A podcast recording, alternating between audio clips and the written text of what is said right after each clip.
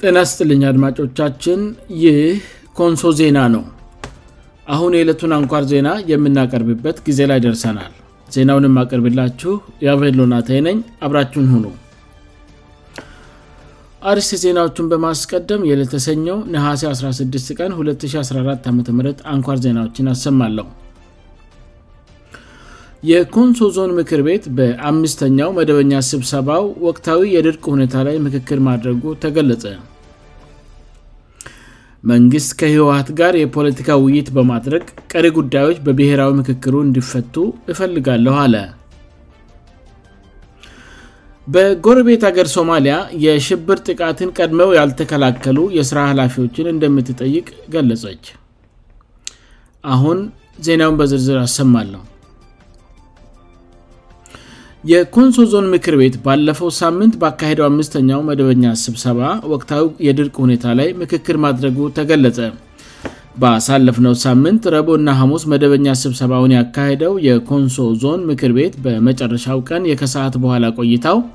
በወቅታዊ አጀንዳነት ተይዘው ከነበሩት ዝርዝር ጉዳዮች መካከል የድርቁ ሁኔታና ድርቁን ተከትሎ ኅብረተሰቡ ላይ በተከሰተው የምግብ ህል ጥረት ዙሪያ ሰፊ ምክክር መደረጉን የምክር ቤቱ አፈ ጉባኤ አቶ ኦዳ ኦቶማ ለኮንሶ ዜና ገለጹ የዞኑ የመንግስት ኮሚኒኬሽን መስሪያ ቤት የምክር ቤቱን ስብሰባዎች በሚዘግብበት ጊዜ ስለድርቁም ሆነ ህብረሰቡ ላይ ስለተፈጠረው የምግብ እህል ጥረት ምንም ዘገባ ባለመስራቱ ምክር ቤቱ በጉዳዩ ላይ እንዳልተዋየ በመቆጠሩ ታሪካዊ ስህተት ሰርተል እየተባለ በብዙ ምሁራን ስተች ነበር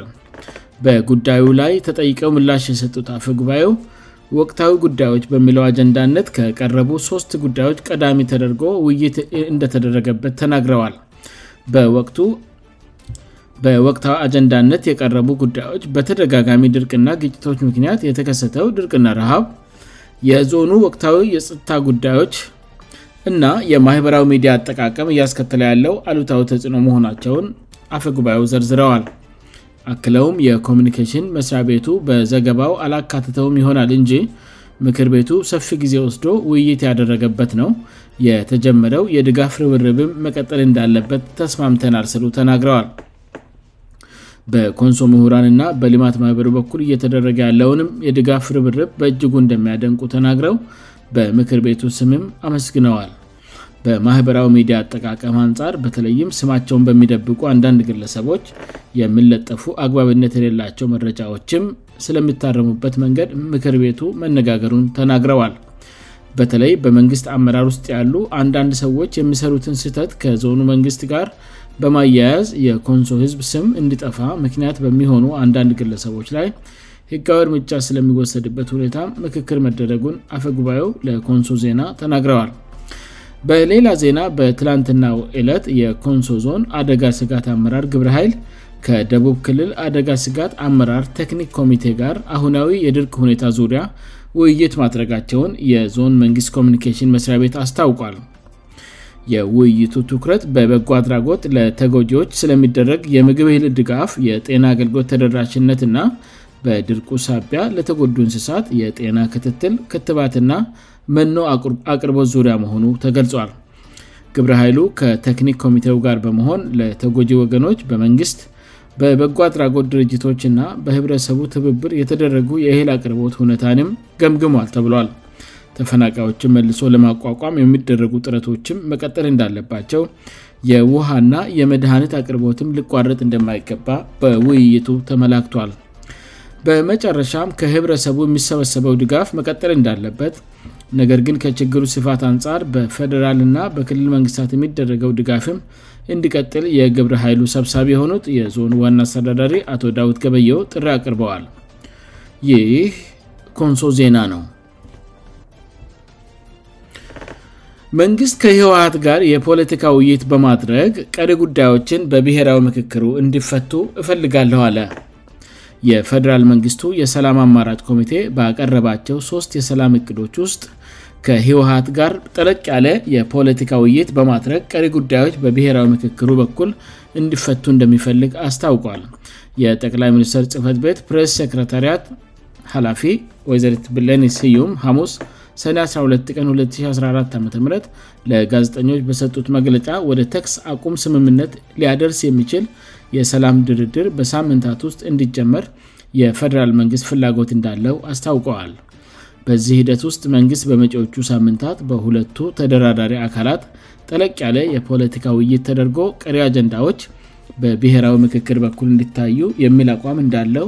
ብለኔ አስረድተዋል የፌደራል መንግስት ከህወሀት ጋር በሚያደርገው የሰላም ድርድር ሂደት ውስጥ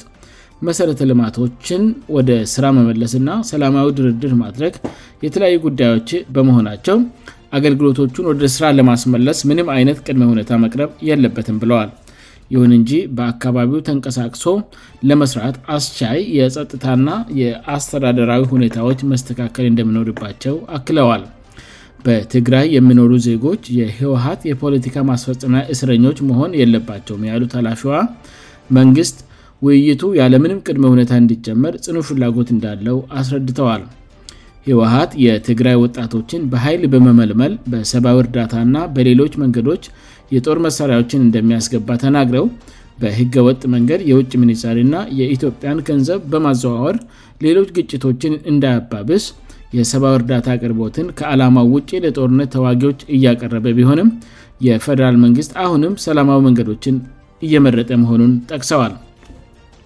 የመሰረተ ልማት አገልግሎቶችን እንደገና የማስጀመር ጥያቄ በተደጋጋሚ የሚቀርብበት ሁኔታ አገልግሎቱን ከአንድ ማይከል በአንድ ማብሪያና ማስፊያ መመለስ እንደሚቻል አድርገው የሚያራምዱት አቋም የተሳሳተና አደገኛ ያካሄድ ነውም ብለዋል በመሆኑም የፈደራል መንግስት በትግራይ ክልል የሚገኙ አገልግሎቶችን እንደገና ወደ ስራ ለማስገባት አስተዳድራዊና የደህንነት ስራዎች ሲስተካከሉና ማረጋገጫ ሲኖር እንደሆነ ተናግረዋል አክለውም የህወሀት ኃይሎች ለኢትዮጵያም ሆነ ለትግራይ ህዝብ የሚጨነቁ ከሆነ ለሰላም ድርድር የሚያቀርቡትን ምክንያት በመተው ለድርድሩው መቀመጥ አለባቸው ብለዋል በአፍሪካ ህብረት የተጀመረውን የሰላም ድርድር የፈደራል መንግስት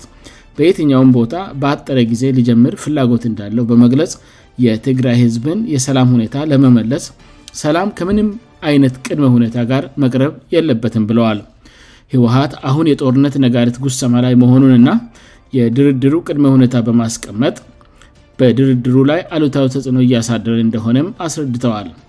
የህወሀት ሥራ አስፈጻሚ አባል አቶ ጌታቸው ረዳ ነሐሴ 12 ቀን 2014 ዓም ለትግራይ ክልል ሚዲያዎች በሰጡት መግለጫ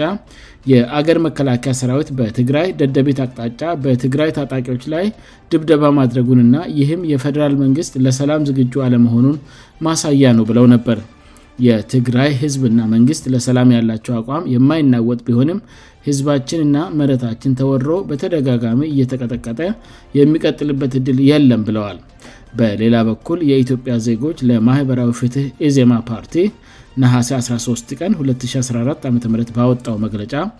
የፖለቲካ አለመግባባት በሰላማዊ መንገድ መፈታት አለበት ብለል ፓርቲው በመግለጫው ህወሀት የሰላም ድርድሩን አማራጭ እየገፋ ራሱን ወደ ጦርነት እያዘጋጀ እንደሆነ ገልጾ በተለመደው አውዳሚ መንገድ የጥፋት ነጋሪት እየጎሰመ መሆኑን በአደባባይ እያወጀ ነው ስል ወቀሳ ሰንዝረዋል መንግስት ለሰላም እያሳያ ያለውን ጥረት አጠንክረው መቀጠሉ የሚበረታታ መሆኑን በአካባቢ ያለውን ማህበረሰብ በድጋሚ ለከፋ ሰብዊ ጉዳትና መፈናቀል እንዳይዳርግ ወቅታዊ ሁኔታውን ያገናዘበ ጥንቃቄና አስፈላጊ ዝግጅት እንዲያደርግ ማሳሰቢያ ሰጥቷል ዘገባው የሪፖርተር ነው ይኮንሶ ዜና ነው ጎረቤት ሀገር ሶማሊያ የሽብር ጥቃትን ቀድመው ያልተከላከሉ የስራ ኃላፊዎችን እንደምትጠይቅ ገለጸች ሶማሊያ ከሰሞኑ በዋና ከተማዋ ሞቃዴሾ የደረሰውን የሽብር ጥቃት ቀድመው ያልተከላከሉ የስራ ኃላፊዎች እንደሚጠይቁ አስታውቃለች የሀገሪቱ ጠቅላይ ሚኒስትር ሐምዛ አብዴ ባሬ በሞቃዴሾ ሀያት ሆተል የደረሰውን የሽብር ጥቃት ቀድመው ያልተከላከሉ ባለሥልጣናት ተጠያቂ እንደሚሆኑ አረጋግጠዋል ጠቅላይ ሚኒስትሩ ከጥቃቱ በኋላ ለመጀመሪያ ጊዜ በሀገሪቱ ብሔራዊ ቴለቪዥን መግለጫ ሰጥተዋል ጠቅላይ ሚኒስትር ሀምዛ አብዲ ባሬ መግለጫውን የሰጡት የጸጥታ ኃይሎች የሀያት ሆቴልን ከአልሸባብ ነጻ ካወጡ በኋላ ነው የሶማሊያ የጸጥታ ሹሞች 35 ሰዓታትን የፈጀ ወታደራዊ ተልኮ በማካሄድ የሞቃዲሾን ጥቃት ማክሸፋቸውን ገልጸዋል ይህንን አይነት የሽብር ጥቃት በድጋሚ እንዲከሰት አንፈልግም ያሉት ጠቅላይ ሚኒስትሩ ኃላፍነታቸውን ባለመወጣትና ቸልተኛ በመሆን ጥቃቱን መከላከል ባልቻሉ ሹሞች ላይ እርምጃ እንደሚወሰድ ተናግረዋል የሶማሊያ የጤና ሚኒስትር አሊ ሃጂ አደን በሀያት ሆቴል በደረሰው ጥቃት 21 ሰዎች መገደላቸውን እና 117 ሰዎች ደግሞ መቁሰላቸውን አስታውቀዋል ጠቅላይ ሚኒስትር ባሬ አልሸባብ እንዳደረሰ በተገለጸው ጥቃት የተጎዱ ዜጎችን መጎብኘታቸውንም ገልጸዋል